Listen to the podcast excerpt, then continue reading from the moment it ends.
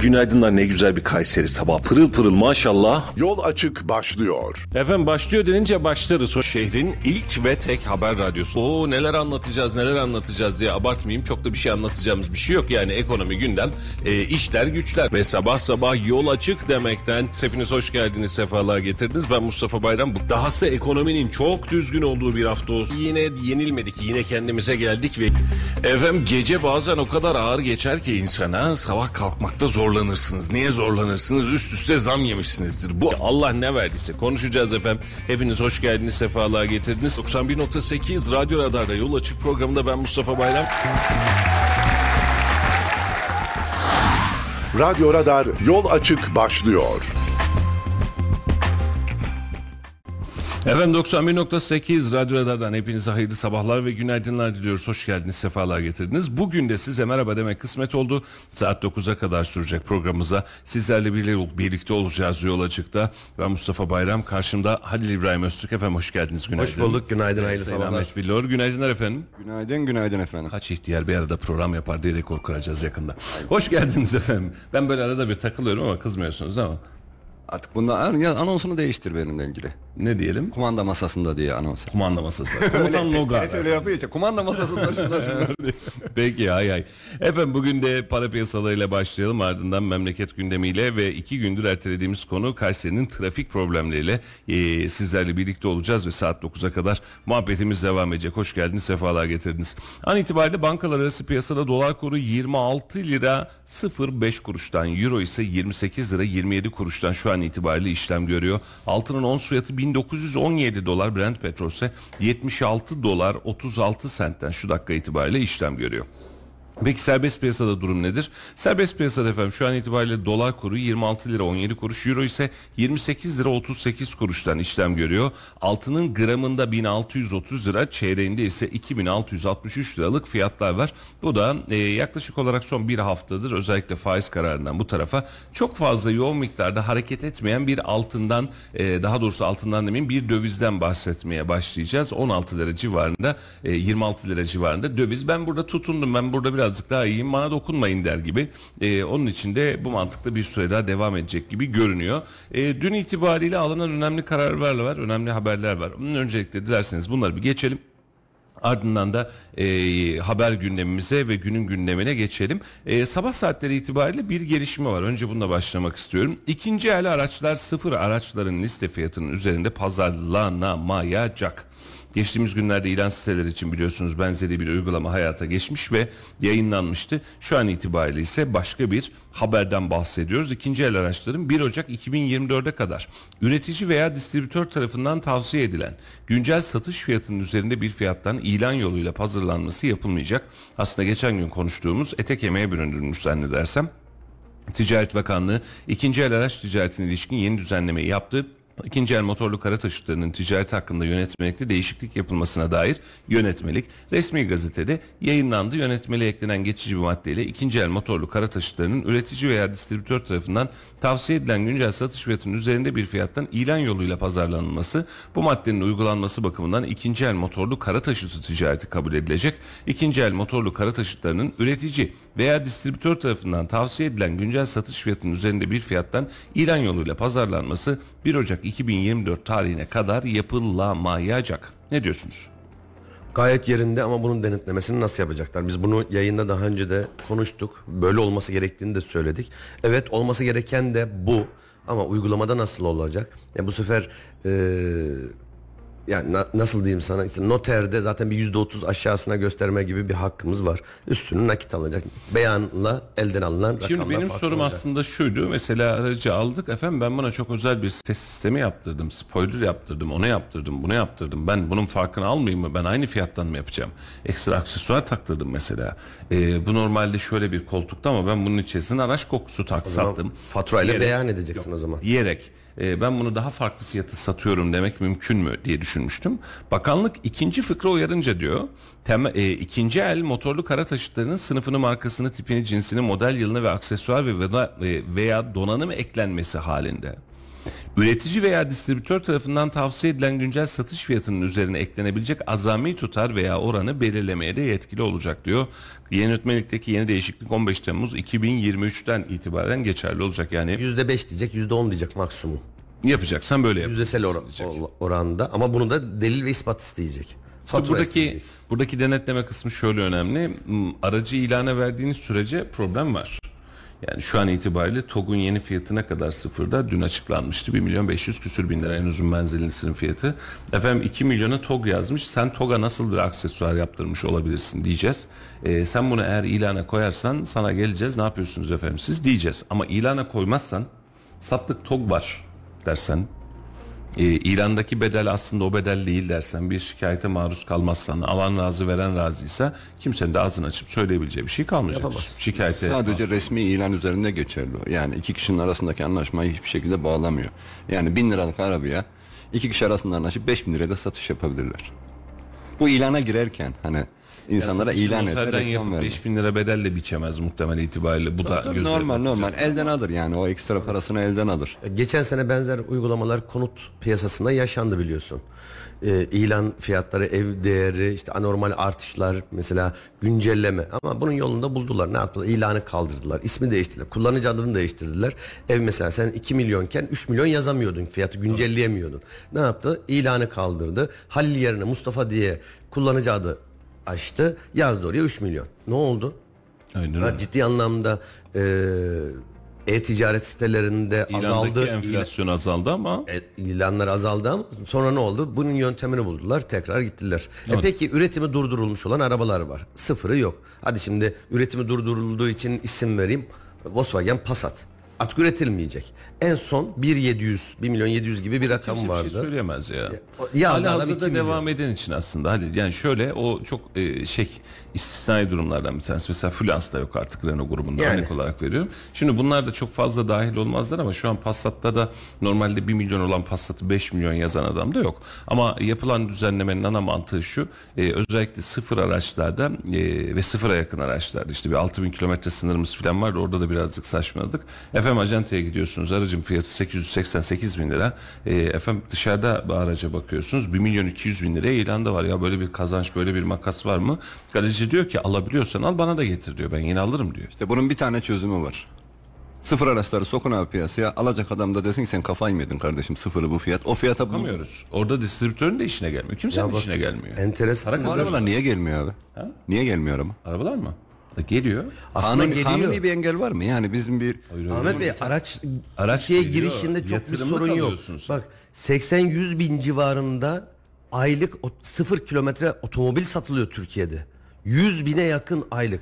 E Biz piyasada sıfır araba kaç tane görüyoruz? Ama bu 100 bin tane arabanın bak mübalağa yapmıyorum en az yüzde yetmişi en az yüzde yetmişi galericiler alıyor.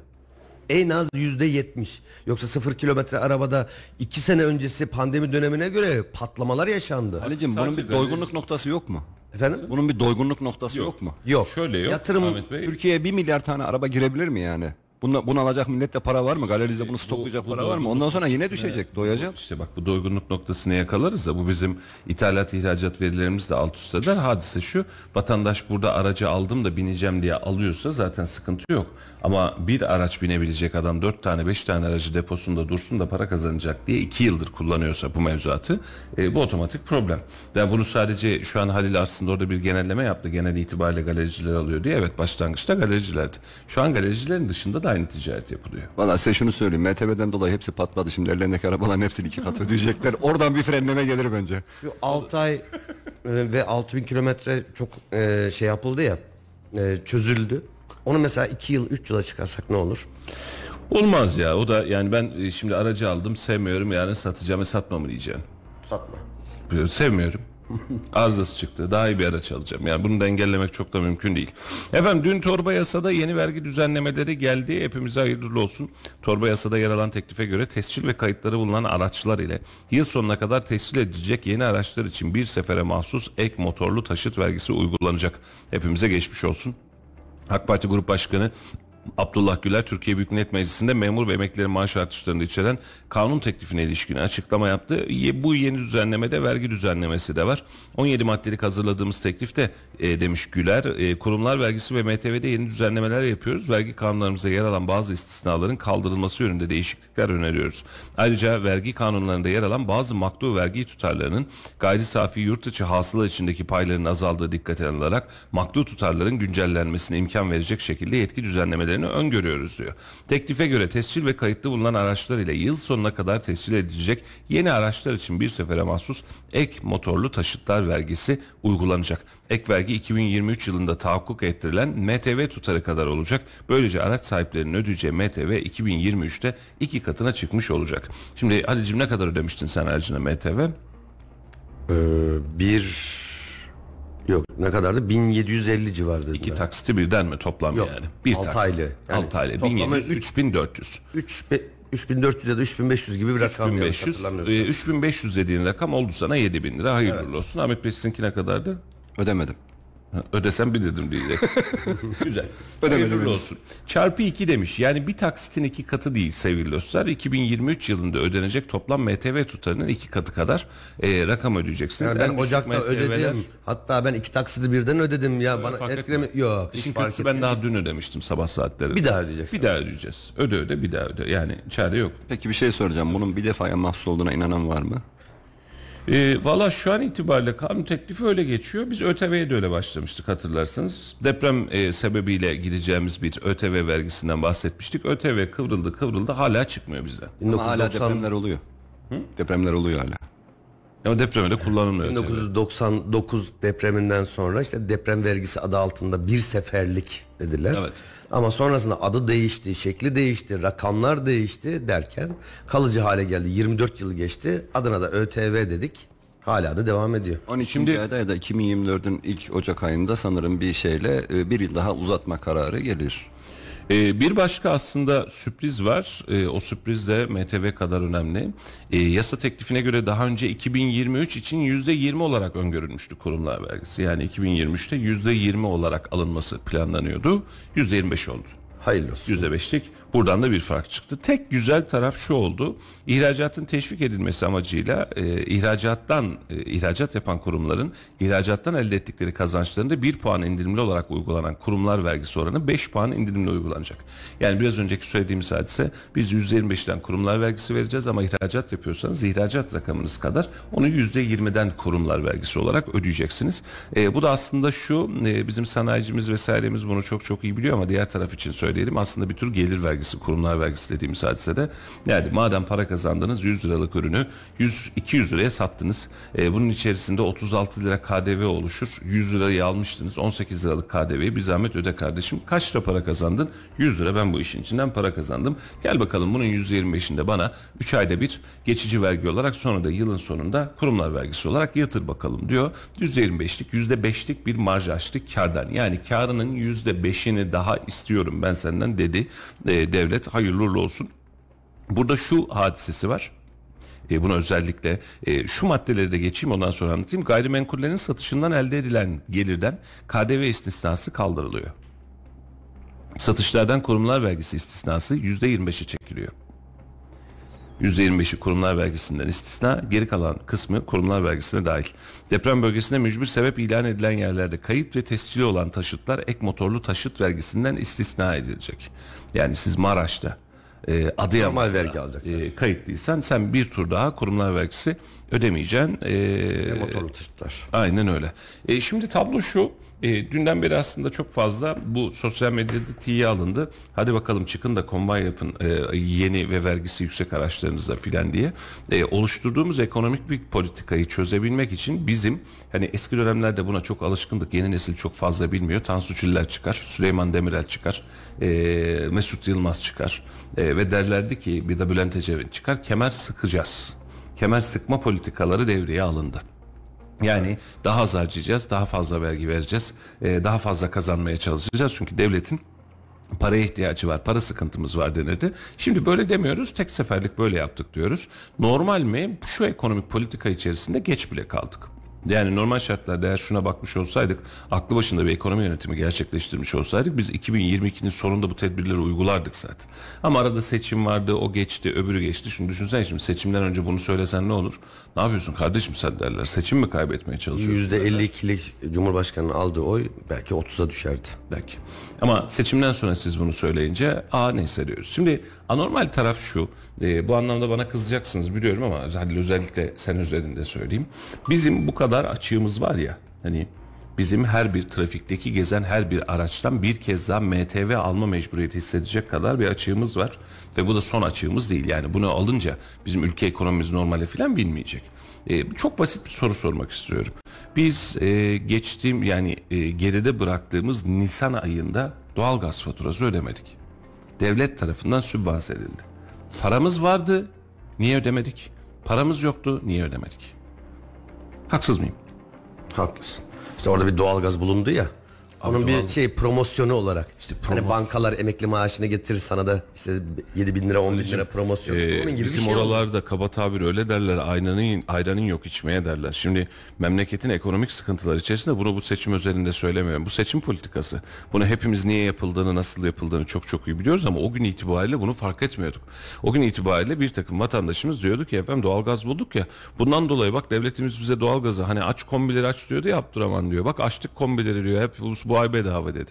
O ay itibariyle insanların ısınma işi genel itibariyle bitmişti doğru mu? Ama en kötümser ihtimalle hane başında 100 lira 200 lira 300 lira biz yok saydık. Bunu biz devlet olarak karşılıyoruz dedik. Bugün itibariyle de ya biz çok fazla karşılamışız. Şu motorlu taşıt vergilerinizi iki kez ödeyin bu sene dedik. Şu an itibariyle sen 1750'den 3500, 3500'ü bir 3500 daha ödeyeceksin. Yani senin için bunun sürprizi yıllık 3500 lira. Sıfır araç alan ya da belli bir beygirin üstünde araç alan için belki de 5-8 bin lira. Ee, eski model aracım var ya çok da problem diye, değil diyen insan için de 600 lira. Sonuç itibariyle buradan çok ciddi bir vergi kalemi, vergi doğuşu olacak. Şimdi dönüyorsun gelir vergisindeki durumu bahsediyorsun. Biz vergilerin sadeleşmesi, vergilerin azalması ve ticaretin daha hızlanması konusu. Yılları sahip hep taleplerimiz vardı. Mesela hala konuştuğumuz çok sayılı vergi yöntemi e, bizi yoruyor. E, bir herhangi bir işletme için e, dün bir arkadaş e, İhsan da herhalde ya abi yine muhasebeci arıyor dedi ya. Yani yine muhasebecim arıyor yine para isteyecek dedi. Muhasebeci kendine istemiyor sadece parayı vergiyi istiyor algıyı istiyor. Şimdi bir bakıyorsun KDV'yi öde geçici vergi öde gelir vergisini öde stopajları öde e, yetmedi damga vergisini öde yetmedi eğitime katkı payını öde. Ya efendim biz bunu azaltsak mı acaba çok mu esnafın sanayicinin üzerine yük olarak biniyoruz? Olmadı efendim %25'e çıkartalım %25'ten biraz daha ödesin. E şimdi e, zaten vatandaş kazandığının gerçekten e, yarısından çoğunu ya da en kötümser ihtimalle yarısını sana devlet olarak takdim ediyor. Al kardeşim bu senin vergin olsun diyor. E bir taraftan da sistemi vergilendirmeye herkes vergi versin demeye çalışıyoruz. Sonuca bakıyoruz. Şu dakika itibariyle de hepimize hayırlı olsun diyebilecek noktaya geliyoruz. Vergiyi sadeleştirmeye boş verin. Vergiyi arttırmanın derdine düştük an itibariyle. işimiz zor.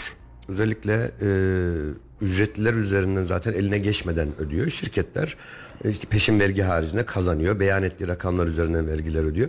Şimdi vergileri artırmak devletin gelirlerini zaten en büyük geliri vergilerdir. Tüm dünyada bu böyledir. Hangi sistem, hangi rejim olursa olsun e, vergiler devletin ana kalemidir. Gelir vergisi gelirleri ar- arasında ama vergileri bu kadar çok artırmanın e, birkaç tane fonksiyonu var. Vergileri artırsan bir anlamda devlet senin ortağın oluyor. Yaptığın işte. E o zaman kayıt dışı ekonominin önünü aşmış oluyorsun. Evet.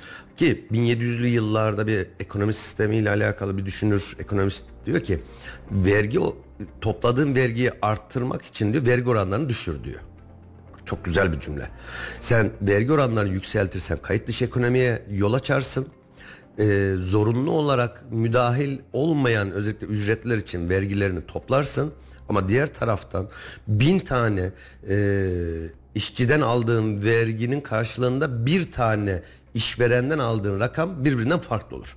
Sen vergi oranlarını düşürürsen esnaf da işveren de e, vergiden kaçınma, kaçırma demeyeyim de vergiden kaçınma yollarını e, yapmaz ve seve seve vergisini verir. O zaman totalde de sen daha fazla vergi toplarsın. Şimdi risk- Ama biz bunu böyle yapmıyoruz. Risk analiziyle alakalı bir hadise bu. Şimdi e, vatandaş diyor ki vergi dairesinden ya şimdi ya niye başımızı artalım verelim vergimizi gitsin. Bir taraftan da efendim çok vergi var. Ben böyle yaparsam ben bu vergiyi verirsem batarım diyor. Bak yaşarım demiyor, batarım diyor. Bu kadar vergiyle ben hayatta duramam diyor. Hal böyle olunca ne oluyor? İş gayri resmi ekonomiye doğru dönüşmeye başlıyor mümkün olduğunca. Ha bundan 10 yıl öncesine kadar çok çok daha resmileşmiş bir vergisel sistem içerisindeyiz. SGK sistemi dahil, sigortalı sistemi dahil, çalışan sistemi dahil çok çok daha resmiye geçtik. Burada ciddi bir evrilmeşme ve bir ciddi bir başarı var. Ama şu an itibariyle vergiyi arttıralım. MTV'yi iki taksit yapalım, iki kez alalım. E, Ahmet Bey'in biraz önceki söylediği gibi ya bu son kez mi olacak acaba? İnşallah son kez. İlk ve son kez. Ama şimdi hükümet dese ki size önümüzdeki yıl e, yerel seçimden sonra 29 mu 28 Mart'tan sonra e, dese ki ya biz geçen sene almıştık ya ha yetmedi bu para bir kez daha alıyoruz dese ne yapacaksın? Vermem mi diyeceksin? Mecbursun. Ya da MTV Ya da arabayı satacaksın. Ya da MTV oranını değiştirdim dedi ya. Böyle iki kez altmaya gerek yok. Oranı değiştirdim kardeşim. Bundan sonra MTV bu para. Bitti gitti. Motorlu taşıtlar vergisi bunun bir emsal vesairesi yok ki. Şuna göre araç fiyatına göre diye değerlendireceğim bir hadise yok ki. Şu şu segmentteki araç için ben şu kadar MTV alıyorum dedi. Sen sağ ben selamet. Efendim işimiz zor. Sıkılaşma politikaları, kemer sıkma politikaları devam edecek. Vatandaş için de zor geçecek. Şu an itibariyle yaşananlara kızmıyorum. Bunu niye yaşamak zorunda kaldığımıza kızıyorum. Altını çizerek söylemek isterim. Sabren şimdi mesaj atmış diyor ki her bir vatandaşım 166 bin lira ödeme yaparsa ülke tertemiz, tertemiz oluyor diyor. Vatandaş başına düşen yükümüz herhalde bu 166 bin TL. Bilmiyorum. Hesaplamak Kendi lazım. iddiası o. 166 bin lira. Eğer bu rakamı ödersek diyor ülke tertemiz oluyor diyor. Hayırlı olsun. Ödeyelim Serbülent'ciğim. Sen bize göndersen 166'yı biz bir şey yaparız arada. Bir çıkartırız ülkeyi düze bir ara. Efendim Haziran ayı enflasyon verisi TÜİK verileri açıklandı. Türkiye İstatistik Kurumu Haziran ayı tüketici ve üretici enflasyon verisini açıkladı. TÜİK verilerine göre enflasyon yıllık bazda 18 ayın en düşük seviyesinde gerçekleşti. E, tersini mi bekliyorduk? Hayır tabii ki beklemiyorduk. Haziran ayında tüketici fiyat endeksi aylık %3.92 oldu. Beklenti aylık enflasyonun %4.30 olması yönündeydi. 3.92'ye düştü. Yıllık olarak bakıldığında tüfe %38.21 olarak gerçekleşmiş efendim. E, yıllık enflasyon Mayıs ayında %39.59 olarak gerçekleşmişti. E, 38.21'e düştü. Haziran ayı için yıllık enflasyon beklentisi %38.85 olması yönündeydi. Oradan da beklentinde bir tık altına girmişiz diyor. Haziran verisiyle beraber yıllık enflasyonda 8 ay üst üste düşüş kaydedilmiş oldu. Veriler incelendiğinde yıllık enflasyonun 18 ayın en düşük seviyesinde gerçekleştirdiği, e, gerçekleştiği belli olmuş e, oldu diyor. Yıllık bazda en yüksek artış lokanta ve otellerde denmiş. Ee, %14 Haziran ayında bir önceki yılın aynı ayına göre en az artış gösteren ana grup %14.76 ile konut olmuş. Buna karşılık aylık artışın en yüksek olduğu grup ise %67.22 ile lokanta ve oteller olmuş. Ee, hizmet grubundan başladıysa ürün grubuna doğru döner bu iş genelde ama e, bakalım bizde nasıl ölçecek TÜİK. Haziranda bir önceki aya göre en az artış gösteren ana grup ise %1.21 ile sağlık olmuş. Buna karşılık aylık artışın en yüksek olduğu ana grup ise %11.13 ile alkollü içecekler ve tütün olarak kayda geçmiş. Şimdi rakamlar bu 38'den bahsediyoruz şu dakika itibariyle. Ee, 38.21'lik bir yıllık enflasyondan bahsediyoruz. Enak hiç oralara dahil olmuyor. Ee, yetmedi İstanbul Ticaret Odası da biliyorsunuz bir İstanbul'un enflasyonu diye bir başlıkta geçen hafta değerlendirmiştik. Ee, bir enflasyon verisi ölçüyor. Bu enflasyon verisiyle TÜİK'in enflasyon verisinin e, hiçbirbiriyle alakası yok. Yani e, sürtsen bulaşmaz derler ya hakikaten sürtsen bulaşmaz birbiriyle alakası yok. Şimdi e, bu oranlara göre biz zam yapacağız diyoruz. Bu oranların üzerinde zam yapıyoruz. Diyoruz ki enflasyon ezdirmedik enflasyondan daha fazlasını da yaptık diyoruz. Vatandaş da ezim ezim eziliyor. Şimdi e, Merkez Bankası Başkanı'nı ve Ekonomi Bakanlığı'nı değiştirirken acaba TÜİK'in de sistemini, başkanlığını ve yönetimini değiştirse miydik? Ya bu şimdi bizim bakış açımıza göre ya da iki tarafı e, değerlendirdiğimizde böyle bir gereklilik olduğunu hissediyoruz ama yukarı tarafta yani bunun ekonominin başındaki insanlar ya da bunun hesaplamasını yapan insanlar tarafında böyle bir gereklilik hissettiklerini zannetmiyorum. Hissetseler değiştirirlerdi zaten. zannetmek zorundayız. Bak yanlış ölçtüğümüz, yanlış e, baremlediğimiz, yanlış koordinasyon oluşturduğumuz her iş bize zarar. Yani şöyle düşün Ahmet Bey, şimdi şuradaki elektrik gücünü ölçüyoruz. Diyoruz ki bizim aylık elektrik faturamız örnek olarak böyle 1000 TL gelecek. Ay sonunda 5000 TL geliyor. Bir sonraki aya dönüyorsunuz. Bizim elektrik faturamız bu ay 1010 TL'ye gelecek. Ulan 5000 lira geldi bu ayda. Şimdi sen bir ölçüm yapıyorsun. Bu ölçüme göre de vatandaşı, ekonomiyi ve tüm statüyü aslında belirliyorsun. TÜİK'in vermiş olduğu rakamlara göre memur maaşı zammı yapıyoruz. Asgari ücret zammı yapıyoruz. Doğru mu?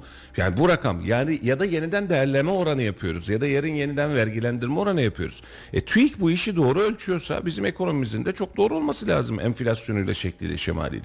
Şimdi 38 diye açıkladığımız enflasyon bakın üzülerek söylüyorum. e, bu geçen ayın enflasyonu doğru mu? Sen fikir miyiz? Şimdi yeni bir aya geldik. Yeni aya girerken asgari ücret arttı bundan dolayı bir zam furyası yiyecek miyiz? Yiyeceğiz bu bir bir daha iki. Dolar arttı bundan dolayı yiyecek miyiz? Yiyeceğiz. Hiç şansı yok. Üst üste geliyor. Hepsi üst üste geliyor. Şimdi tüm bu zamlara rağmen önümüzdeki ay TÜİK %38 yerine %68 mi açıklayacak? Yok. 38'i 37'ye düşürecek, 35'e düşürecek bana. İnandırıcı değil, gerçekçi değil ve bize zarar ettiriyor bu iş. İşte TÜİ'nin baktığı parametreler ve e, resmi belgeler üzerinden yaptığı için bu hesaplamayı hani biraz önce araçta da konuştuk ya. Araçta ne yapıyorsun? Aracın bir liste fiyatı var. Bir de listenin dışında insanların söylediği bir fiyat var. Evet. Şimdi TÜİK ister istemez o fiyat baremini açıklarken ya da araştırmasına koyarken resmi fiyat üzerinden yapar. Dersin ki ya arabalar iki katına çıktı. Ama resmiyetteki, resmiyetteki fiyat neyse onu açıklamak zorunda. TÜİK niyet okuyamaz. Yani böyle olacak ya da böyle kullanılıyormuş deme şansı yok. Bence oradaki sistemini değiştirmeli TÜİK. Şimdi bu dolarda öyle bir şey yok.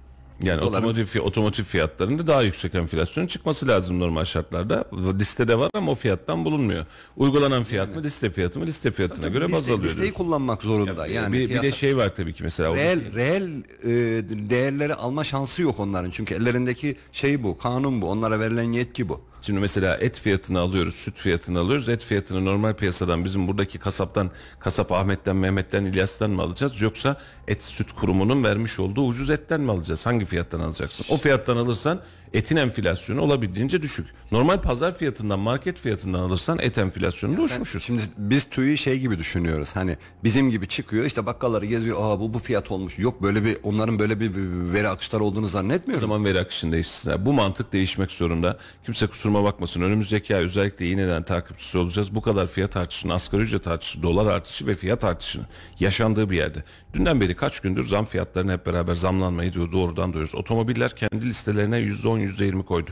Alkollü grupta %30-35 fiyat zammı bekleniyor. Ekmek fiyatlarında %30-35 zam yaşandı. Türkiye'nin birçok yerinde. Bakma Kayseri'de yaşandı. Eli kullandı bir daha zam yapacağız diye yarın bir gün çıkacaklar. Şimdi %25 %30 zam konulduğu bir yerde siz buna enflasyon verisine yok öyle bir enflasyon yok ki biz enflasyonu da düşürdük derseniz bu sadece kendinizi kandırma olur. Seçim bitti. Bak şu an nasıl MTV'yi güzel verebiliyorsunuz. Doğru mu? %25 e, gelir vergisine dönebiliyorsunuz. Yeni vergisel uygulamalar çıkartabiliyorsunuz. Ki çıkartılmasın demiyorum. Sakın kimse yanlış anlamasın. Yani sadece bu duruma düştüğümüz için üzülüyorum. Yoksa bu dakika itibariyle çıkartılmasın, vergi de alınmasın. Öyle bir dünya yok. E, bıldır ki hurmalar işte yedik yedik bugün de acısını çıkartmamız lazım. Bunun başka çaresi yok, kaçarı yok. Sen ödeyeceksin, ben ödeyeceğim, hep beraber ödeyeceğiz. Bu da varlık vergisi gibi var olanın içerisinden almaya çalışacağız. Ama TÜİK de bu verileri doğru ölçecek. Bize sahte bir gündemde geçen gün Merkez Bankası'nın söylediği %5'e düşürmekten bahsediyorsunuz 2024'ün sonunda bu hayal diyor. Geç bunu enflasyonu. Bir geç bunu. Yani bir gerçeklerimizi görelim, gerçeklerimizle karşı karşıya. Doktora gidiyoruz. Rahatsızlığımız var. Öksürüyorum. Şimdi doktor eğer benim öksürme nedenimi yanlış sebepte bulursa Alırsa. bana farklı ilaç verir. Ama ya sen zatürre olmuşsun, bronşit olmuşsun derse doğru reçeteyi yazar. Aynen öyle. Şimdi siz TÜİK verilerinde özellikle bunu hepimiz biliyoruz. Yani başka ülkelerde de benzer şeyler görüyoruz. Sen yüzde yetmiş iken örnek veriyorum. Sen bunu yüzde kırk, yüzde otuz sekiz açıklarsan o zaman senin aldığın tedbir yani yazdığın reçete de yanlış olur. Aynen öyle. Öncelikle bir Teşhis doğru olacak ki tedavi doğru olsun. doğru teşhis et ki gerçekleri söyle ki e, o zaman senin teşhisin de doğru olsun, tedavin de doğru olsun. Şimdi Ama TÜİ'nin bunu yapmıyoruz. Halil'cim şimdi TÜİK veri alırken atıyorum faturalar üzerinden alıyor. Düşük fatura göte bir ürün düşünün. Piyasada sürekli düşük fatura gösteriliyor. Yani 10 liraya satılıyorsa hep 5 liradan 6 Ahmet liradan Bey fatura otomobilde kesiyor. evet bu dediğiniz doğru da diğerlerinde doğru değil ki. Otomobilde doğru haklısınız. Otomobilde şu an zaten bugün de alınan karar oydu işte ikinci el daha pahalı olamayacak falan. Otomobilde dediğiniz doğru. Ama şu an itibariyle sadece tek kalemde değil tonlarca kalemde bunun etkisini yaşıyoruz. Şu an düşünsene en yüksek enflasyon geçen ay itibariyle alkollü içecekler ve sigara grubunda. Sigaraya 5 lira zam geldi ya. En yüksek enflasyonumuz bu. Allah rızası için sigaradan daha fazla zam gelen bir şey yok mu memlekette? Ya bakın çok basit su bak Tekel ürünlerinde tamam sabit fiyat var.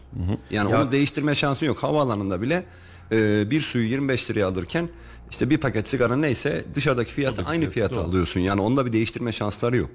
Ama serbest piyasadaki e, ürünleri araştırırken serbest piyasada insanlar biraz önce anlattım bir sürü vergi vergi vergi. E, vergi düşük göstermek için herkes düşük fatura kesiyordur. E, Recep Tayyip Erdoğan demedi mi özellikle tekel ürünlerinde? Biz diyor bilinçli bir şekilde vergileri artıyoruz. Ma- içmeyin diyoruz içiyorlar. Madem içiyorsun vergileri artırıyorum. E ben diyor artırıyorum daha çok içiyorlar diyor. E bu bilinçli tekelde, tekel mamullerinde, alkollerde de sigaralardaki vergi artışını Tam vergiyi sıfırla Tamamen- içmesin o zaman. bilinçli bir şekilde fiyatların normal diğer tüm kalemlerden daha farklı Ya bunu resmen yani söyledi. bu bu insanları bitirmek bıraktırmak falan değil. Bunu resmen bir kazanç kapısı haline getirdik ülkece. Memleketin yarısı kimyager, yarısı da tütün sarmaktan akciğer kanseri oldu, gırtlak kanseri oldu. Geçin bunları. Yani Ama parçalayacak kadar kimya bilgisine e, sahip Aynen öyle. Bir ya bir bakıyorsun abi şuradan alkol ve işin daha kötü tarafı ne biliyor musun Halil? Biz bunu daha önce de konuştuk. Yeri gelmişken söyleyeyim. Alkol tüketin tüketmeyin diyemem kardeşim. Ben bu her şeyin bağımlılığına karşıyım. Yani alkol de olsa sigara da olsa bağımlılık olan şeyler size orta ve uzun vadede zarar verir. Ekonomik olarak da ruhsal olarak da fiziksel olarak da. Ama kaçırdığımız hadise şu. Ee, adam içmek istiyor. Öyle ya da böyle içmek istiyor. Sen diyorsun ki ee, örnek veriyorum ya işte Türk olduğu için bir, bir rakıyı sen normalde bu adamın yani gideyim de 100 lira 200 lira şuradan alayım dediği rakıyı sen 700 lira 800 liraya çıkartmışsın. Bunu da şimdi yarın bir gün yeniden yeni fiyatlar geliyor şimdi %25 %30 daha zam gelecek. 1000-1500 liraya çıkartacaksın. Bu adam herhangi bir mekana gittiğinde o 1500 lira 3000 lira olacak. Kafadan mekan bir işletme maliyeti var. Şimdi adamın da cebinde parası yok. Yasa dışı madde kullanımının önündeki e, e, tetikleyen en önemli sebeplerden bir tanesi alkolün kendisi. Yani adam o an itibariyle o uyuşmayı yaşamak istiyor. Yani ve bunu da yanlış anlamayın. Bu Türkiye 100 yılında son 10 yılında 20 yılında yaşanan bir hadise değil. Bin yıldır var bu iş. 5000 sene önce de vardı. öyle var. O zaman şarap yapıyormuş, başka bir şey yapıyormuş var. Sen şimdi adamın önünden bunu fiyat zorlamasıyla almaya çalışıyorsun. Adam oradan çıkıyor, e, 10-30-50 lira veriyor. Kafasına güzel olacak başka bir sentetik malzeme. Ondan sonra uyuşturucuyla mücadele dönüyoruz. Yani şimdi oturduğumuz yere de dikkat edelim. Sen şu an itibariyle sigara kullanan insanlar için Neşet Ertaş'ın lafını hep hatırlatıyorum. Ya garibin bir cigarası var ellemeyin diyor yani. Sen şu an sigara içen, sigara tiryakisi olan bir adam için sen 50 lira yaptın, 100 lira yaptın. Bu adam e, kaçak tütüne doğruyor sen hiç vergi alamaz oluyorsun. Kaçak tütüne baskı yapıyorsun adam başka bir alternatif buluyor. Kimse kusuruma bakmasın. Yıllardır kaçıncı gördüğümüz zam. Her sigara zammından sonra git ya bu fiyatlarda da içilmez diyen arkadaşların hepsi hala pöfür pöfür sigara içiyor. Yani bu bir şeyi engellemiyor. Sen sadece vatandaştan alıyorsun ve vatandaşı belli bir yerde mucit olmaya e, zorluyorsun. Ha yapsın yapmasın demiyorum ama şu an itibariyle oluşan fiyatlar biraz önce Ahmet Bey senin söylediğin hadise. Resmi veriden alıyor, öbüründen alıyor, bundan alıyor. Nereden alıyorsa alsın. Ben sonuç itibariyle şuna bakıyorum. Ben şu an itibariyle bugün %38.21 denilen enflasyon verisine göre yapıyor muyum planı? Memur zammını, emeklilik zammını, öbürünün zammını, maaşının zammını, aldığım vergi oranını hepsini bu orana göre yapıyorum ya. TÜİK'i ben referans alıyorum. Sonra diyorsun ki TÜİK resmi alıyor da ondan o zaman. O zaman ülke resmi yönetilmiyor. O zaman gayri resmi birinin al- alması bunun ortalamasını tutturması. Yok deve kuşu gibi işine geldiği zaman ona bakıyor. işine geldiği zaman vergi ikiye katlıyor. Ya da geçen yıl yaşadığımız yeniden değerlendirme oranı gibi. Bir de ekonomide farklı bir bakış açısı var. Enflasyonla alakalı. Şimdi maddi durumu iyi olan birinin satın aldığı kalemlerle geliri oldukça az olan yoksul kesim dediğimiz kişilerin hayatını devam ettirmek için aldığı kalemler birbirinden farklı. Maddi durumu iyi olan örnek veriyorum uçağa da biner o uçak bileti de enflasyon sepetin içindedir. Ama maddi durumu iyi olmayanın hayatta uçakla işi olmaz. Şimdi oradaki e, ulaşımdaki az artış aslında maddi durumu iyi olmayan kişinin reel anlamda hissettiği enflasyonun düşmesi anlamına geliyor. Bu ne demek? Sen maddi durumun iyi her ay evine 100 kalem farklı bir şeyler alabiliyorsun. Evet. Biraz daha hani lüks şeyler de alabiliyorsun. Ama yoksul dediğimiz kesim aylık ortalama 30 kalem alıyor. Şimdi 30 kalemi baz aldığımız zaman reel anlamda yoksul kesimin hissettiği enflasyon dün açıklama vardı yüzde 85. Evet. 6 aylık. Yıllık demiyorum. 6 aylık. E şimdi öbür taraftan da döndük. Biz yeniden değerleme rakamlarını açıkladığımızda aralığın sonunda yani 1 Ocak itibariyle 2023 itibariyle yeniden değerleme artış oranları ne kadardı Mustafa? Yüzde 126. Yüzde 122 idi. Evet. Devletin açıkladığı e, Enflasyon. TÜİK rakamı kaçtı? Yüzde 65'ti. 64 küsür. Aynen öyle. Peki madem öyle niye sen o zaman e, yeniden değerlemeyi yüzde 122 olarak yaptın? Niye yüzde 65 yapmadın? Deve kuşu dedim ya az önce. İşine nasıl gelirse öyle devam ediyor. Valla çok sağlıklı gitmiyoruz. Ben Maliye Bakanlığı ve Merkez Bankası'ndaki gibi TÜİK'te de değişimin vaktinin geldiğini ve çoktan geçtiği kanaatindeyim. Ee, biz e, bir 5 yıl önümüzde seçim yok. Şimdi yerel seçimlerde işin hakikaten hikayesi. Genel seçime göre hikayesi var. Ülkenin yönetimine etkin yok. Yani İstanbul'u yönetiyorsun. Hatırlarsınız geçen seçimde. Bu bir beka meselesi. İstanbul düşerse Türkiye düşer. Efendim Türkiye düşmedi. Ee, memlekette de Aa, bu oldu buradan başka bir yere gitti denmedi. Bu belediye seçimi hizmet eden gelsin buyursun hizmet etsin. Ben bunu keşke şu idraka gelebilecek olsak. Hani muhtarlar partisiz giriyor ya işin içerisine. Ya dört tane adam çıksın beş tane adam çıksın. Ben talibim kardeşim ben şunları şunları yapacağım desin. Hiçbirinin partisi olmasın gerekirse. Ben gideyim diyeyim ki ya şu adam daha iyi yapar gideyim ona oy vereyim. İşin siyasetinden keşke çıksak ama önümüzde 4 yıllık hatta 5 yıllık bir süreç var bizim bir sonraki seçime kadar. Bizim bu malzemeyi toparlamamız lazım. 5 yıl yapılanma için ideal bir süre. Dünya krizi olsa dünya krizinin altından kalkacağı bir süre. Biz e, memleketin bu kadar rahatlığında ve bolluğunda dünyada bu kadar paranın bolluğunda bu sıkıntıyı yaşadık.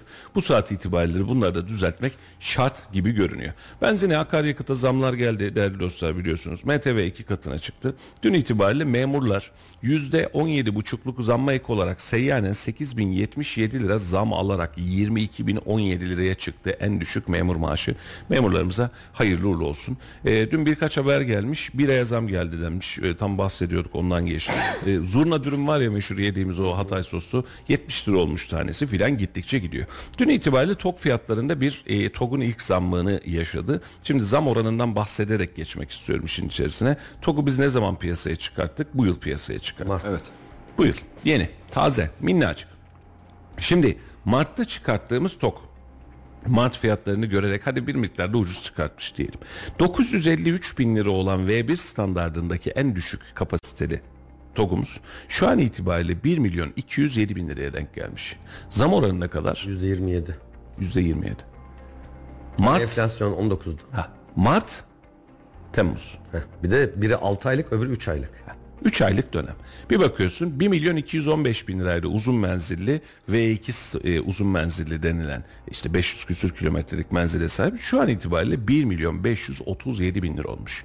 Ee, Araba var mı? e, yok canım nerede? Araba yok. Zammı niye Ol- yapıyoruz? Olmayan, ara- olmayan arabaya zam yapıyoruz. Aynen öyle yani ara, araba çıksa keşke de e, vatandaş Çok görsün. yöneticileri e, CEO'su Murat neydi Bilmiyorum tanımıyorum ismini. e, ismine o açıklama yaptı. Dedi ki Haziran ayı sonuna kadar yani teslimde adı çıkmış olanlar bu zamdan etkilenmeyecek. Evet. Ama Temmuz'dan itibaren teslim olanlar da artık o aradaki farkı ödeyecek. Yani o hani 60 bin lira ödedik çıktı 953 aradaki 870 bin lira vereceksin muhabbeti var ya ha, o yok. Arttırdı. 870 bin rakamı artık 1 milyon 100 küsür oldu. Ne zaman teslim alacağız? O da henüz hala muğlak. Yani velhasıl o ilk açıklanan lansman fiyatlarıyla neredeyse bir avuç vatandaş aldıysa aldı. Onun dışında işte e, devlet malzeme ofisi üzerinden belediyeler vesaireleri aldı. Bunun dışında TOG'a sahip olan o fiyatta Toplam sahip olan Türkiye'de yok. teslim edilen biniciye şahıslara teslim edilen yaklaşık 700 ya da 750 civarında bir tok var. Ee, Haziran ayında teslim sıfır. Sıfır. Mayıs'ta 306 tane teslim edilmiş. Haziran'da teslim sıfır. Şimdi Temmuz'la beraber yine CEO'nun açıklamasıyla birlikte Temmuz'dan itibaren artık aylık bazda 2000-3000 araçlar e, teslim edilecek ve her geçen ay teslim rakamı, üretim rakamı artacak diyor. Haziran ayında niye teslim etmediler biliyor musun? Bilmiyorum. Bilmiyorum niye teslim etmediler bilmiyorum. Krizi mi vardı acaba? Çip krizi ya da zam mı beklediler? Hiç alakası yok. Bilmiyorum. Ya Yani şimdi sıfır. e, Bence üretim fiyat artışı tesisinde ben, beklenir. ben şunu beklemiyorum. Yani Şimdi- dediğiniz gibi belki fiyat artışı Şimdi bekliyorum. üre- üretim üretim tesisinde uçtuk coştuk gidiyoruz o süperiz filan böyle milyon üreteceğiz filan diyebilecek bir kapasiteye ulaşmadık. Şimdi birileri dedi ki İtalya'dan geliyor gemilerle geliyor. Birileri dedi ki burada üretim tesisi var. Hatta bir e, yabancı basın mensuplarını ağırlamış tok fabrikası. E, millet sosyal medyadan dalga geçiyor. İtalya'nın Gebze kentinde yer alan fabrikamız incelendi filan diye böyle kinaye yapıyorlar üzerindence ben baştan beri söylüyorum. İtalya'da üretilmiş, burada üretilmiş. Vallahi takılmıyorum.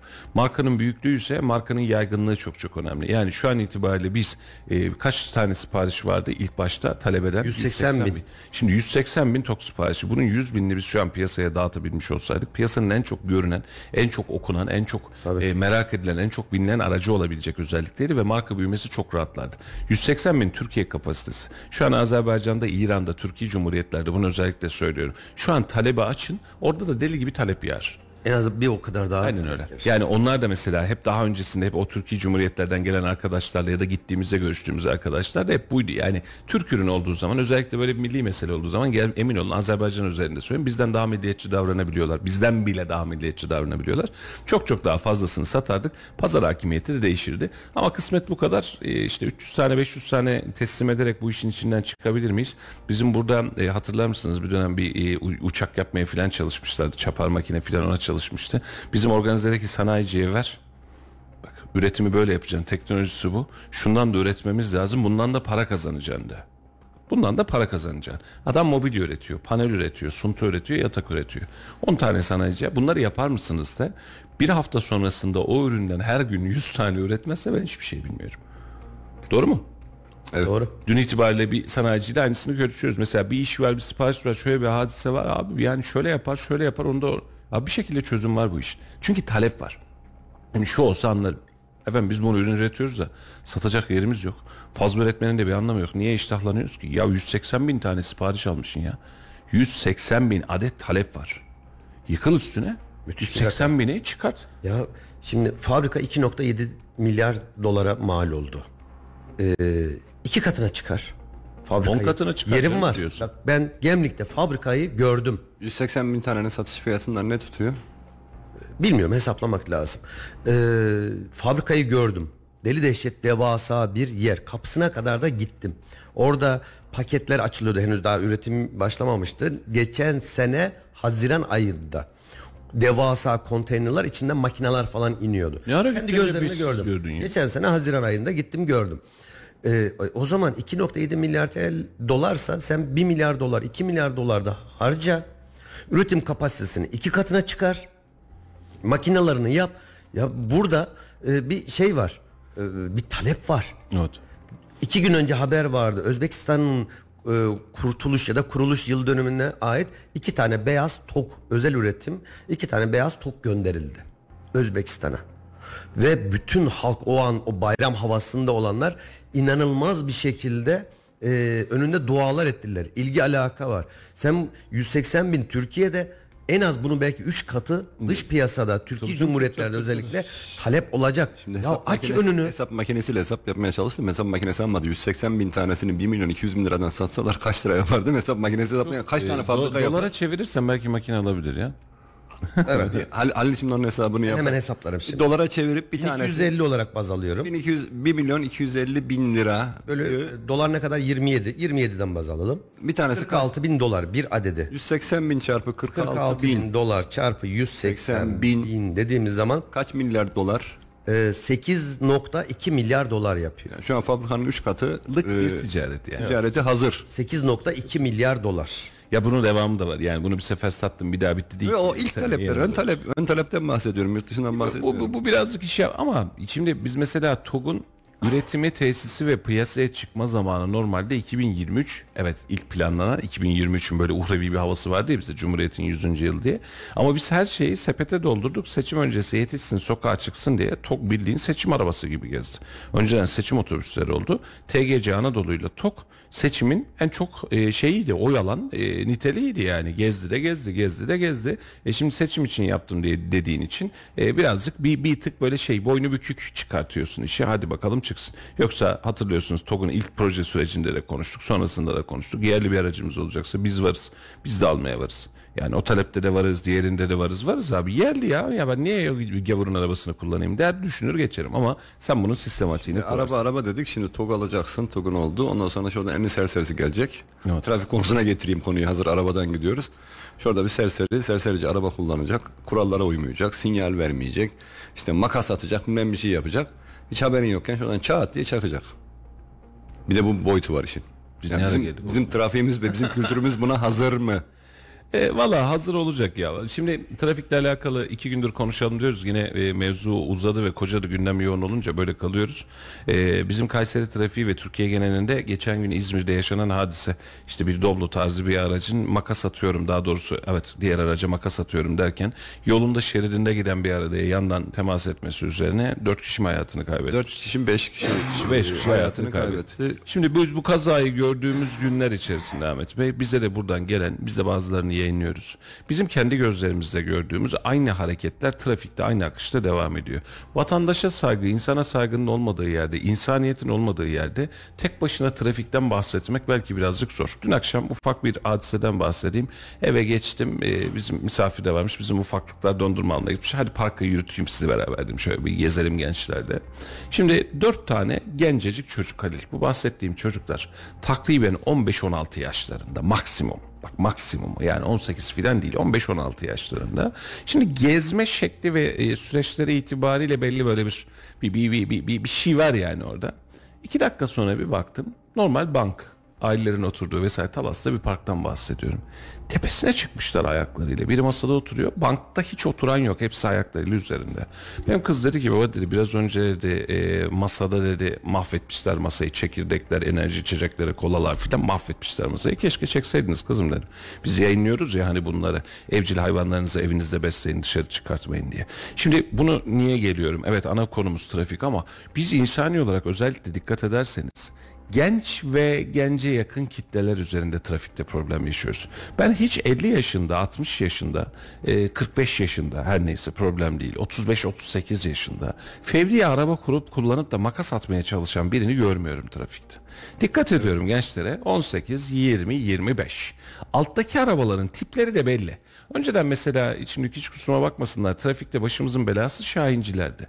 Niye? Modifiye arabalar, sesler böyle oradan makas atmalar filan. Şimdi Şahinlerin gücü yetmiyor. Motor gücü de yetmiyor. Kimse de böyle sallamıyor. Sadece modifiye var yani tekerler kısalıyor. Tümseklerden 2 saat. Yengeç gibi filan. tümseklerde yan yan Ha, iki saat geçiyor.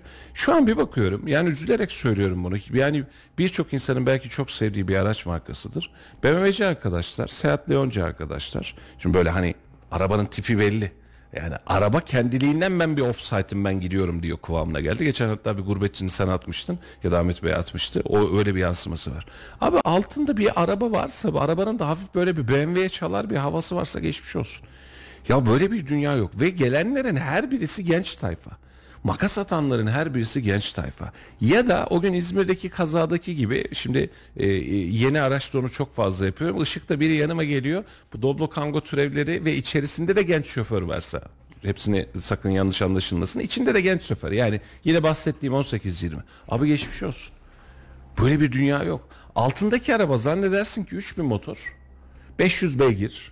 Anladın mı? Yani böyle uçuyorum V8 V12 motor filan var gibi. Yani bir basıyor bir hareketler filan. Yahu kardeşim azıcık bir saygı azıcık bir edep. Ve biz burada şunu kaçırıyoruz. Yani benim takıldığım nokta genç sebebi o. Biz bu gençleri sokağa bu şekilde salan trafiği tehlikeye atmalarına sebep olan hayatımızın tabiri caizse böyle tiksindiren gençleri meydana getiren ve bunları sokağa salan anne babayı herhalde bir tık daha fazla sorgulamamız Ya lazım. Mustafa'cığım bak o İzmir'deki kaza beni çok etkiledi. Niye etkiledi? Çünkü aynı gün İzmir Çanakkale otobanında yani otoyolunda otoban demeyeyim de e, yolunda eski yolda o yeni açılan 3 saatlik yolda değil e, benzeri bir araç biz de aynı seyir halindeyken benzeri hareketleri yaptı. Ha biz tabii otomatik olarak böyle manyakları özür dilerim yani böyle manyakları gerizekalıları görünce ne yapıyor? Anında ayağım frene koyuyorum sağ şeride geçiyorum abi. Tim, Geçsin tim. gitsin bela Yani uzaklaş. ihtiyar modu var ya böyle arabayı sürmeyenler. O moda geçiyorum. E Ben onun yaşından daha fazla araba sürmüş bir insan olarak. Hani o hareketleri yaparsın. Altındaki araba da yapar yeri geldiğinde. Yani onu onu ama bu bu marifet değil. Çekiyorum abi sağ tarafa gitti. O videoyu en az 4-5 kere izledim aynı araba mı diye. Evet. Çünkü aynı hareketleri benim gözümün önünde yapıldı. Yani arkadan geliyor sağdan soldan ya geri zekalı manyak mıdır? Yani başına iş açacak dediğim bir araçtı. O açmadıysa da biri açmış. bir logo vardı. Aynı böyle senin bahsettiğin işte Doblo tarzı o türdeki hafif ticari dediğimiz araçlardan. Orada biraz şey kullanıyorlar. Böyle hani servisler mervisler oluyor işte birisi bir beyaz eşya alıyor falan. Onu kuruluma gidiyor. O ilçeden o ilçeye gidiyor falan. Böyle onların böyle bir agresif kurulum şey e, hareket tarzları var. O, o kazada şimdi düşünsene sen karşı şeritten gelen kazanın olduğu şeritte dahi olmayan ters yönde giden bir araçsın. O çarptığı araç Sol taraf şeride e, geçiyor. karşı şeride geçiyor ve bir başka araçta kafa kafaya giriyor. Senin trafikte hiçbir kuralı ihlal etmeden bütün nizami şekillerde en doğru en profesyonel şoförlükle araç kullanıyorsun. Yolunda gidiyorsun. Senin sabah aynı anda gidiyoruz. önünde arkanda herhangi bir risk, görmedin. Buna karşı bir hiçbir tedbiri yok. Bir anda bir salise içerisinde sol tarafındaki ağaçların arasından otların arasından bir araç uçup sana kafa kafaya çarpıyor. Kurtarma şansın sıfır ve hayatını kaybediyor insanlar.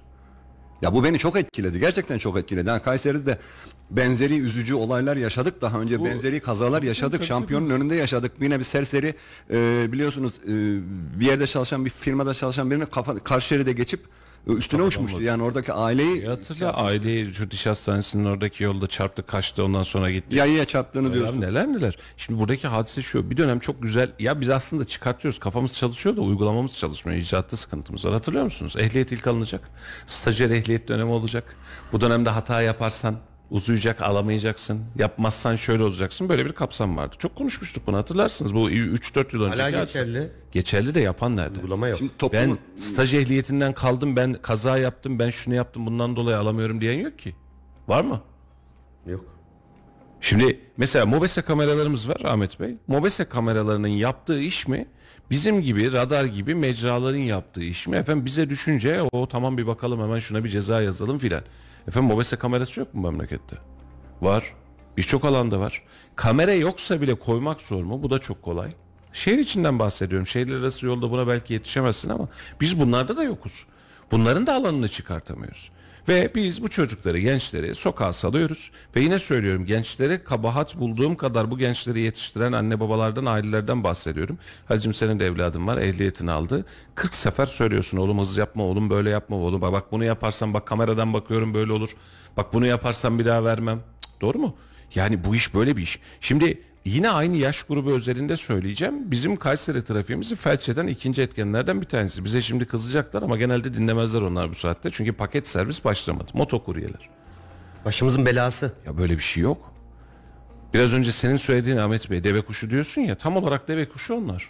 bak Bir tane- bakıyorsun buyurun. Ee, örnek vereceğim. Şimdi dün bir görüntü paylaştık. Kayseri Sivas yolunda çocuk araç sürüyor dikkatli olunuz diye. Biz çocuğun suratını sansürledik. Bu çocuk 11-12 yaşlarında. Şehirler arası bir yolda araç kullanıyor. Altında dün akşam kontrol ettim 176 tane yorum var. Yorumların yarıdan çoğu işte o şoför ehliyet sürmüyor arabayı bilmem bir şey. Ya çocuk bu ya çocuk 11-12 yaşlarında bir çocuk. Biz yüzünü sansürledik. Hani çocuk olduğu için yüzünün gözükmemesi için yüzünü aracı kapatıyoruz. Altındaki çok özür dilerim beyinsiz yorumlar. O aslında küçük gösteriyordur da Milyon tipli. milyon tiplidir 18 falan. yaşından ya büyük. biz bu kültürde olduğumuz sürece daha çok insan katlederler. Ben sana söyleyeyim yani. Ya hatırlar mısın? Bu rezillik başka bir şey Şimdi değil. Rezalet. Gecenin saat birinde drift yapan ortada gürültü çıkartan bir aracın fotoğrafını videosunu paylaştığımızda da araba da hakkını vermiş. Böyle drift mi yapılır? Neyin kafasındasın sen ya? Yani bunun avlanması, bunun söylenmesi, bunun algılanması bu çok zor bir hadise. Şimdi motokuryeler üzerine geçeyim ona da vaktimiz kalırsa dönelim Ahmet Bey. Motokuryelerde e, arkadaşlar ekmek parasına çalışıyor. Helali hoş olsun sıkıntı yok. Ama bir karar versinler. Bunlar araç mı? Yaya mı? Şimdi benle geçerken şeridimde benim önümden geçiyorsun. Sen araçlısın, taşıtsın kabul kardeşim. Ben de senin arkanda beklerim. Doğru mu? Sıkıntı yok. Trafik birazcık öndeki diğer araç varsan iki aracın arasından vızıt diye aynam sığıyorsa yeter ben geçerim diyorsun. Yoksun. Yetmiyor. Ben normal yolda gideceğim, ışığa geleceğim, döneceğim. Sen de döneceksin. Yaya geçidinden zırt diye yaya gibi geçiyorsun. Yaya gibi geçiyorsun ya. O zaman yaya. Hiçbir sıkıntın yok. Dönerken geçerken arkan sağın solun hiç umrunda değil. Yanındaki araç beni görüyor mu görmüyor mu umrunda değil. Tak diye önüme düşüyorsun. Ben şu an arkadaşlara da söylüyorum. Geçen bir personelimizin kardeşine de aynısı oldu. Ben motosikleti bilmesini kimsenin istemem. Bildiğin tehlike sinyali. Hele hele bu trafikte. Taşıt motosikleti görmüyor. Motosiklet de hiç yerinde durmuyor. Şu an itibariyle özellikle şehir içi trafikte en büyük baş belalarımızdan bir tanesi haline geldi. Şu an tüm sürücülerde ya evet bunu bu, biz bu işten çok sıkıldık diyor. Özellikle kuryeler açık söylüyorum hiçbir trafik kuralına riayet Hiçbirine. etmiyorlar. Hiçbiri de etmiyor. Katlediyorlar. Resmen katlediyorlar. Trafiği katlediyor. Hiç olmayacak yerden geçiyorlar. Trafik lambası bilmem ne hak getire. Işığa mışığa hiç uymuyorlar. Kafasına göre kaldırımdan da gidiyor. Kafasına göre yaya geçidinin önüne geçiyor. Işık mışık yok. Senin plakan varsa herhangi bir taşıt, isterse bisiklet, motosiklet ne olduğu için önemli değil. Arkanda plakan varsa sen bir otomobilin Haklarıyla aynı hakları, hakları. kuralları neyse senin için de aynısı geçerlidir. E, Geçen Plakası olmayan elektrikli motosikletler ne olacak? o bisiklet statüsünde. Plakası yok. O da Ki taşıt. Aslında o da, trafik taşıt. O da taşıt. Ya şimdi bak kaç gündür dün sizde dün mü ondan önceki gün mü yürürken de aynısını yaşadık. Şimdi şuradan çıkıyorum istasyon caddesi meydan şöyle bir yürüyüş yapıyoruz akşamüstü. Serinlikteki hem birazcık hareket edelim diye. Belediye bisikletleri dahil normal bisikletler dahil. Arkadan zil çalarak geliyor kaldırımda. Ya sen bisikletsin. Canım abi, canım kardeşim. Yani bir gün hakikaten elimden bir kaza çıkacak. Ben yaya yolumda yürüyorum. Şimdi arkadaki bir şahıs müsaade eder misiniz dese anlarım. Yürüyor çünkü benden hızlı yürümek ben yolu kapatıp bunlar anlarım. Ya burası yaya yolu. Bisiklet yolu değil. Değil. Onların çünkü kendilerine ait yolları Şimdi var. bunu şöyle düşün. İstasyon caddesine meydanda yaya gidiyor yolun ortasında yürüyor. Ne hissedersin? Aynı hadise ya. Burası bisiklet yolu. Motokuryelerde de aynı hadise var.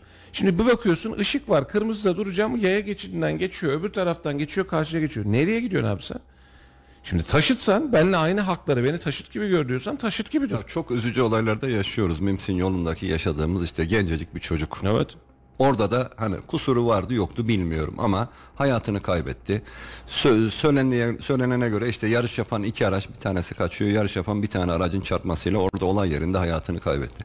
Bu kadar çok üzücü olay yaşamamıza rağmen insanların dikkatsiz davranmaları yani bu konuda biz ya ben motor sürmüyorum ama endişeleniyorum. Yani üzülüyorum bu insanlar için. Hayatlarını kaybediyorlar. Bence motor nasıl sürülür biliyor musun? Abi paran olur, keyfin yerinde olur. Alırsın o dağma şeyleri var ya. Aracın olmadığı ağaçların arasında, ormanlarda rahat rahat sürersin. Düşersen de kendin düşersin, kafanı gözünü yararsın en fazla. Yani böyle parçalanmazsın, bilmem bir şey olmaz. Böyle olmalı bence. Ya da şu ATV türü hani o zevkini orada alırsın. Şehir trafiğinin içerisinde Olmaz ki böyle bir şey. Ya yazık ya çok fazla. E, ve motor kazası hep söylüyoruz yani motosiklet kazaları. Çünkü Kaportan yok, kaportan sensin sensin. Senin iskeletin hepsi yaralanmalı oluyor. Yaralanmasız kazası Ya neredeyse ölümle yok. Allah göstermesin. Neredeyse yok yaralanmasız kazası. Geçen yok. senelerde de geçtiğimiz 2-3 yılda motokuryeler bu kadar yoğun değilken bile ki gittikçe yoğunlaşıyor. Her yıl 2-3 tane motosiklet üzerinde hayatını kaybeden yani kaza sonrası hayatını kaybeden arkadaş var. Bir tanesi daha bak bir yıl olmuş. E, dün bizim arkadaşlar paylaşmış. Basın mensubuydu. Gözümüzün önünde yaşadık ya. Ya çocuğun hiçbir kabahati yoktu. Allah var. Güvenlik kamera görüntüleri de çıktı. E, Kocasinan Belediyesi'nin kurban kesim alanında basın toplantısı var. Hani orayı tanıtacaklar. Muhabir bir arkadaş ismini de hatırlamıyorum ama simen biliyorum çocuğu. Biz geçerken bir baktık hani motosiklet kazası olmuş. Kan revan dedim ki yaşamaz bu çocuk herhalde ama bizim basın mensubu olduğunu filan da bilmiyorum. Yapacak bir şey yok ambulansı bekliyoruz. Karşıda 112'nin merkezi var ambulans 20 dakika sonra 25 dakika sonra geldi. O gün itibariyle hala çok iyi hatırlıyorum. Biz oradan ayrıldık. Hatta haberini de orada çektik biz yani ama yapacağım bir şey yok. Yani kan revan ben tutamam. Yani tutamam derken bir şey yapamam. İlk yardım yapılacak hadise değil. Kaskı kafasında kask var. E çocuk gitti. Bir sene oldu. Ve işine giderken gitti. Şimdi bunun gibi bu benim gördüğüm canlı. Yayınladıklarımıza bakıyorsun onlarcası var. Şimdi e, çare ne? Şimdi dönelim çareye. Hani bunları konuşuyoruz. Bu problemlerimiz var da çare ne? Seçim döneminde hiç yapmadığımız bir şeyi yaz döneminin gelmesiyle dün Hemen e, Talas'ta bir tanesine yürürken denk geldim araçla değil. İşte parka gittim dedim ya saat 12 civarı 12-12.30 civar. Alkol muayenesi. Şimdi emniyetten istirhamdır bu. Alkol, motosikletli araç, motosiklet. Araç eksiği tespiti, çevirmesi. Lütfen yapın. Öyle azmaz değil. Sürekli yapın. Her yerde yap. Sürekli Hiç yapın. akla gelmeyecek Sebep şu yerlerde Ahmet Bey. Şimdi e, eski dönemde biz radar hadisesini uygularken paylaşırken de aynısını. Mesela uygulaması olan radarı biz paylaşmayız sevgili dostlar. Hani ileride uygulaması var. Polis çeviriyor kimlik kontrol. Uygulaması olan radar bizde yok. Plakaya yazılan radar var ya hani geçerken aa bak yazdı radarı gördün mü? Arkadan ceza geldi. Ha bunu da şunun için yapıyoruz. Orada hızlanmayın. Hani bu artık kimse radardan Kayseri radardan bakayım. Burada da radar varmış. Yavaş gideyim demiyor. Hani haberiniz olsun. Bu bölgede de radar var. Yavaş gidin. Dikkatli olun. Aslında bir bu uyarı ki biz bunu zamanında e, çok öncesinden beri emniyette de konuşuyoruz zaten. Burada kanuni bir sıkıntı yok. Ama şu an itibariyle çevirmeli uygulamalar hayati derecede önemli. Çok önemli. Çok önemli. Yani şimdi adam akşamın bir saati gece saat 10-11-12 yaz gününe gelmiş. İçiyorlar abi. İçtiği yetmiyor. O kafayla arabaya biniyor. Ya da maddeleniyor, haplanıyor Allah esirgesin. Tra- trafiğe düşüyor. Arabanın standardı dahi tutmuyor trafikte. Modifiyeler var trafikte. Hız var trafikte. Bunun tek çaresi şu an itibariyle bugüne kadar bilinen tek çaresi kontrol etmek. Hatırlar mısınız bilmem. İkiniz de hatırlarsınız. Kayseri'de bir dönem Türkiye genelinde en çok emniyet kemeri takan ildi. Evet. Hatırlıyor musunuz? Her köşe başında, orta refüjde, trafik ışığında polisler yazmaya başladı cezayı. Adam bir cezaydı, iki cezaydı. O emniyet kemeri bizde alışkanlık oldu. Bak Türkiye'nin hiçbir yerinde Kayseri kadar alışkanlığı, Ya emniyet kemer- kemeri alışkanlığı yoktur. Mustafa'cığım kemer takmadan 50 metre ilerideki markete gidemiyoruz ya. Aynen öyle. Yani bu polis değil mahallelerin arasında 50 metre ileri gideceksin. Oturduğun zaman elin kemere gidiyor. Kemeri takmasan rahat edemiyoruz. Bu bir alışkanlık. Alışkanlığı neyle sağlıyoruz? Çok özür diliyorum. Yani birazcık sopa zoruyla sağlıyoruz. Cezayı yedim, cezayı yedim. Şimdi şöyle düşün Halil. Şehir canını canını al parasını almasa. Ha, Aynen öyle. Şimdi şehir içinde geçiyorsun en düşük radar ceza, şey e, trafik ışığı ya da radar cezası ne kadar şu an itibariyle? lira civarında. Bin lira civarında. Düşünsen şehir içerisinde 70'se 80'le gidiyor sıkıntı yok 50'lik yoldasın. Geliyor bin lira. Bir sefer geldi ya görüyor musun? Bir daha geldi abi töbe. 50'yi geçenin alnını karıştırdım. Şimdi radar levhasını görüyorsun kenarda. Trafiğe bir bakıyorsun 30'a düşüyor. Başıma iş gelmesin. 70'lik yolda da 30'la gidiyorlar. O da bir başka muamma. Burada hakikaten en büyük görev bizim emniyetimize düşüyor. Vatandaşlarımıza düşüyor. Fatih trafik denetçisiyle falan olacak iş değil bu işler. Yani onu tekleme tükleme görüyorsun. Kardeşim emniyeti, Yunus'u, polisi gecenin saat 11'inde ben işi bıraktım demeyecek. Gecenin saat 2'sinde ben Talas'ta, meydanda, merkezde, Alparslan'da hani bu gençlerin filan da çok mutlaka göreceğim abi. Polis dalgasını ben mutlaka göreceğim. O şeyini, lambasını ben mutlaka göreceğim. Yetmedi. Sürekli kontrol yapacak. Mesela e, motor terörünün en çok olduğu yerlerden bir tanesi Alparslan Köşk civarıdır. Bir tanesi de Talas civarıdır. Doğru mu? Bahçelievler Yenidoğan tarafı. Çünkü o paket siparişin çok yoğun olduğu yerler. Abi Yunuslarla sivillerle bu gözleme yapacaksın. Gel aslanım buraya. Bir, iki, ikinci, üçüncü seferde motorunu teslim aldın, vermiyorum dedim baldın ya. Kanuni olarak bu var zaten. Evet. Bak bakalım ondan sonra ne oluyor. Hani meşhur laf var. Aslında sallandıracaksın iki tanesini Taksim Meydanı'nda göreceksin gününü diyor ya. Bu iş böyle. Ve bizim bu tekniğe geçmemiz lazım. Mesela yolda drift atıyor. Nerede drift atıyor abi? Bu adam nerede e, ya, makaslayarak gidebilir? Eski çevre yolda, Talas Bulvarı'nda doğru mu? Yeni çevre yolda. Adamın yapabileceği, bu hareketi yapabileceği yer bura. Uzun ve geniş yollar. Hani 30-40-50 metrelik yolda kimse yapmıyor bunu. Dön ve bunu kontrol et. Bir daha bir sefer değil. Yüz kez kontrol et.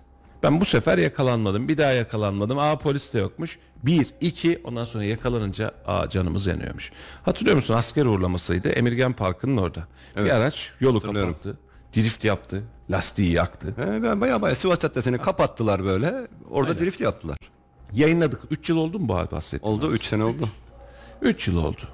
Çocuğu ertesi gün polis takiple yakaladı. Arabayı kovalamayla yakaladı. Evet. Çocuğun araca usulsüzlükten, o günkü yaptığı hareketten, o günün parasıyla 9 bin lira mı ne ceza kesmişti. Bugünün 90 bin lirası desem yeridir. Bak o kadar da ağır bir rakamdı. 90 değilse 50 bin lirası. Ve memleketin namzet oldu. Ceza yesin mi? Vallahi yapıyorsa yesin abi. Yapıyorsan ye. Ben yapıyorsam ben de yiyeyim. Sen yapıyorsan sen de ye. Yani bu işin adabını bizim oturtmamız lazım. Yoksa bizim trafiğimizde yani hep konuşuyoruz yani bizde trafik problemi değil şoför problemi var. Evet şoför problemi var. Çünkü bu şoför problemini aşabilecek noktalarda yokuz. Mesela çok yaşlı bir amcam araba sürüyor çok tın tın gidiyor. Trafiği yo- yorar, trafiği zorlar ama kazaya sebebiyet vermez kolay kolay. Yavaş gidiyor adam. Hani seni strese sokar. Hızlı gidecektim gidemiyor. En fazlası bu olur. Ya da bayan sürücülerimiz, kadın sürücülerimiz üzerinde de yaşıyoruz ya bazen. Yani böyle bir hani çok böyle hiç önüne arkasına bakmadan gitmek. Kazaya çok fazla sebebiyet vermiyor. Verse de çıtır kazaya sebebiyet veriyor. Yani yavaş gidiyor zaten. Yani ne alabilir ki? Ama bu bizim e, 18 30 yaş diyeyim hadi 25 diyeyim 18-30 yaş arası bir BMW'ciler Akşam 22 ile gece 02 arası. Aynen öyle. Ee, bu hafif ticariler. Eskiden fırıncıların arabası böyle yapardı. Şimdi hepsi fırıncı arabasına döndü. Ben hep öyle derdim. Şimdi yazları yine bir sorundan bahsedeyim. Mesela ben biliyorsunuz Talas Papatya Caddesi tarafındayım.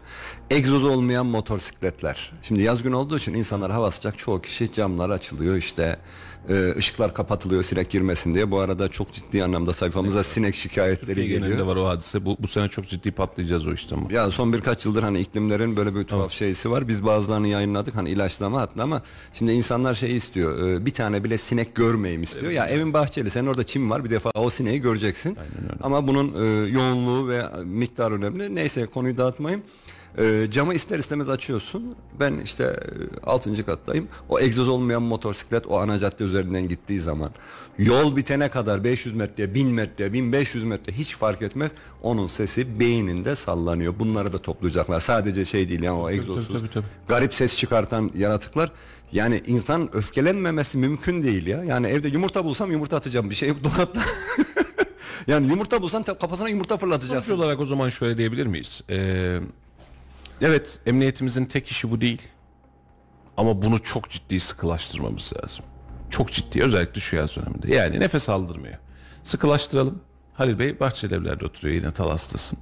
Gecenin saat kaçına kadar müzik, drift vesaire. Gecenin ikisine kadar ne kafa kalıyor ne beyin kalıyor. Talas Bahçeli Evler'de Uyku uyumak bile mümkün değil. Migros'ta Ee, gece işte. son ses müzik dinleyenler akıllara zarar bir müzik. Çünkü gece biraz daha ses farklı gelir. Ev 12. katta daha da fazla geliyor.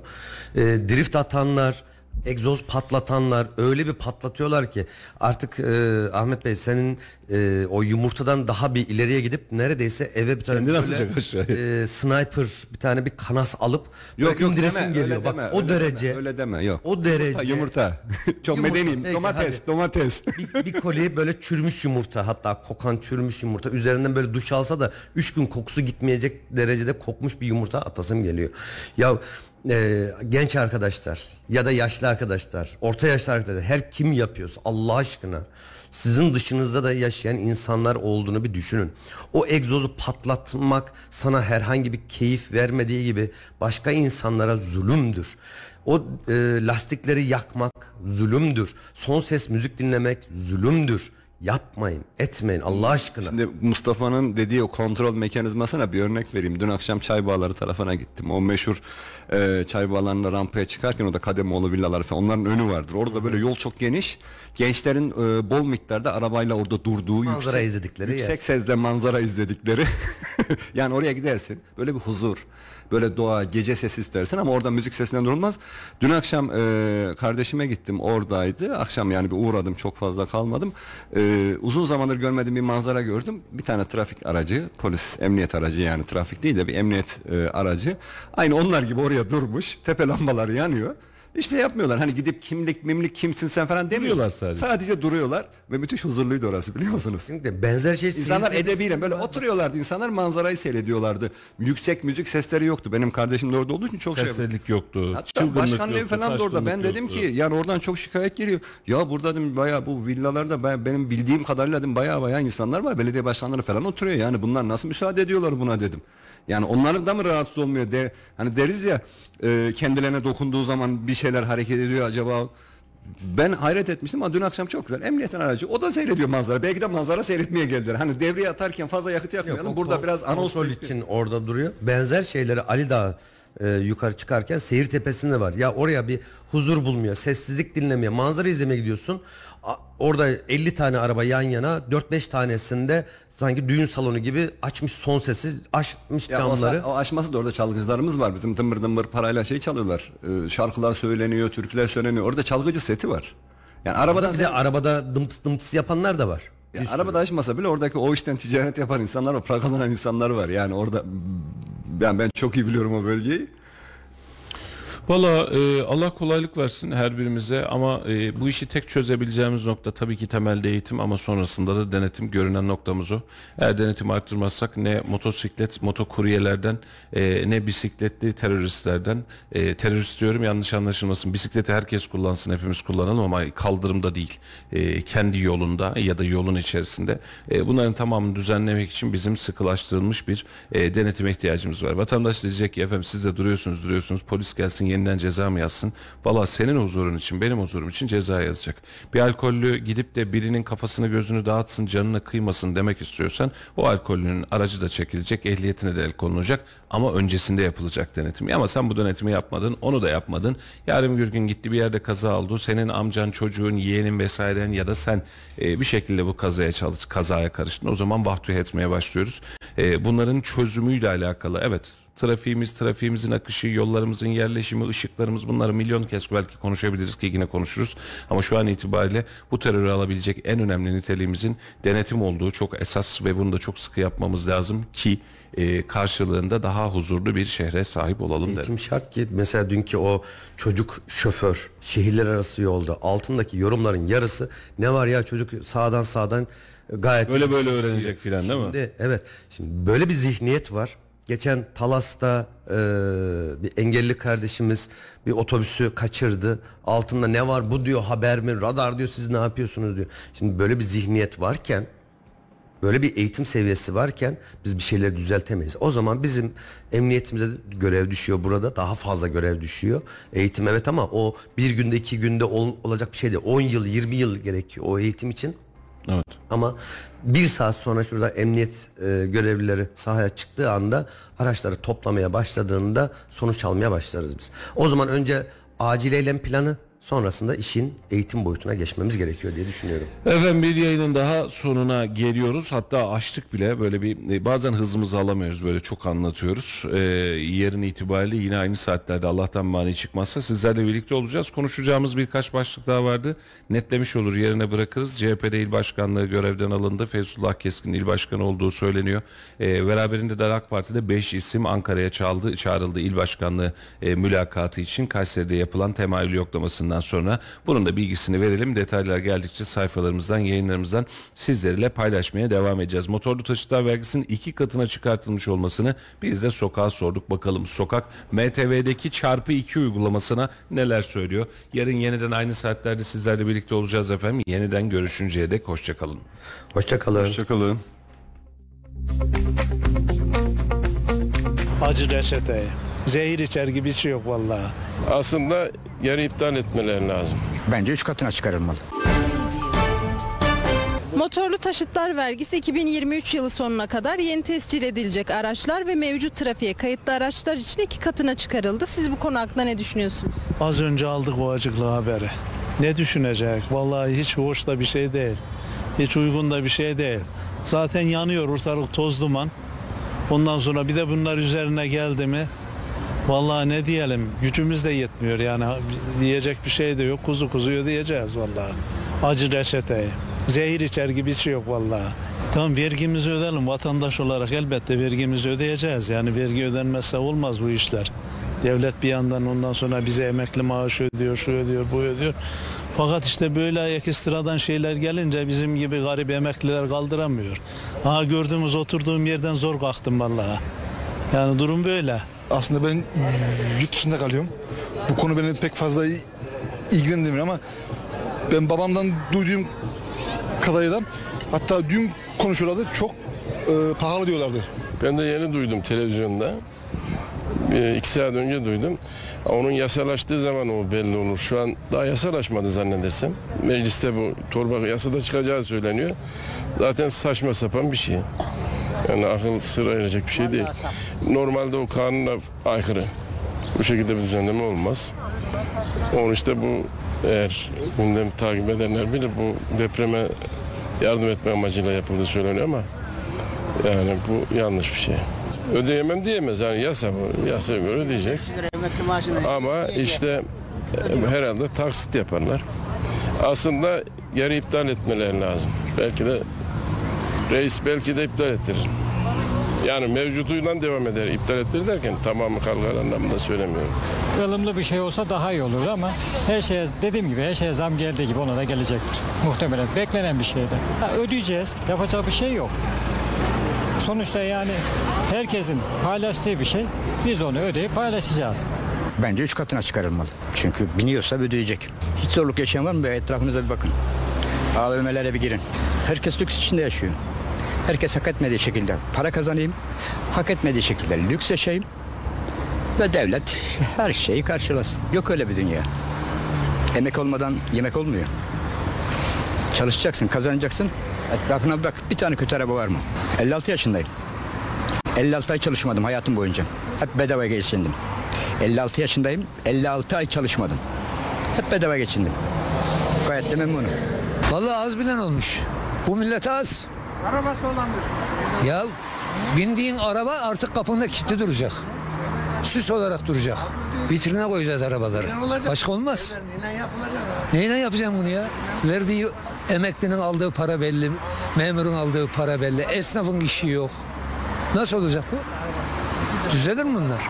Mümkün değil düzelmez. Zaten olan da çok. Olmayan da hiç yok. Mecburiyet karşısında kalmadığı müddetçe binemeyecek. Taksiye dahi binemiyor adam ya. Nasıl binecek? Bu pahalılıkta binebilir mi? Çok güzel olmuş. Yani biz ya ettiğimizi mi çekiyor? Onun için bir şey demeyeyim ben. Yorumsuz sadece. Güzel. Vallahi dört katına da get, çıksa bizi hiç etkilemiyor şükür. Yani bak alışveriş bol, para harcama bol. Hep doldur boşalt ya. Belki nereye kadar gidersin. Valla düşünecek artık bir şey kalmadı. Her şeye alıştık. Burada alışacak herhalde. Yani bugün aldığım 5 liralık malı yarın gidiyorum 10 liraya alıyorum. Millet öyle bir empoze ettiler ki artık yapacak hiçbir şey kalmadı yani. Ha, oy verdin mi de verdim. Ha, bilmiyorum pişman olmak da istemiyorum ama inşallah da pişman olmadık. Düzelir diye umut ediyoruz.